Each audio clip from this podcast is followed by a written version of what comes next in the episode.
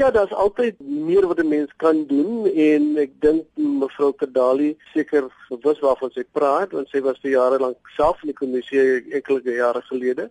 Ons is nou eenmaal in hierdie omstandighede van die transisie waarin ons ons bevind waar ons staatsinstellings regtig onder vreeslike druk hulle self bevind en die menseregte kommissie se taak is, is om hulle daarop te wys dat hulle verantwoordelikhede binne die grondwet het en dat hulle veel meer kan doen om die grondwet 'n lewende dokument te maak. Mense probeer altyd meer te doen, maar ek wil daarom nie heeltemal aan die beskuldigde bankie gaan staan met die Menseregte Kommissie nie. Ons doen ook ons deeltjie. Die Menseregte Kommissie se mandaat strek dit ook tot by buitelanders, soos wat ons nou gesien het in beweerde vreemdelingehaat voorvalle, het hulle ook 'n reg voor die Menseregte Kommissie in Suid-Afrika.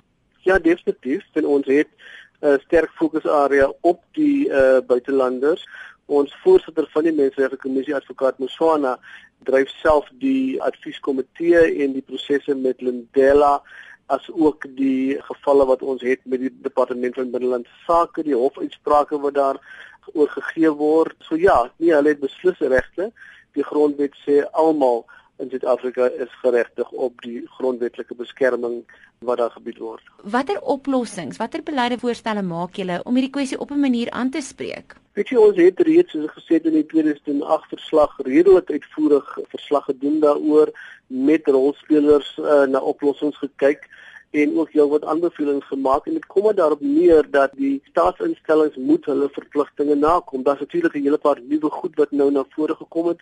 Byvoorbeeld die beweerde betrokkenheid dan maar van polisie. Ek dink ons moet ook nou weer 'n bietjie gaan sit en kyk na die departemente en kyk na al die rolspelers om te hoor wie doen wat en wie het watter verantwoordelikhede of wie het wat wie het nie nagekom nie. Daar is ernstige probleme in ons land soos jy weet, die ongelykheid wat daar bestaan, die huisvesting wat 'n spanning veroorsaak.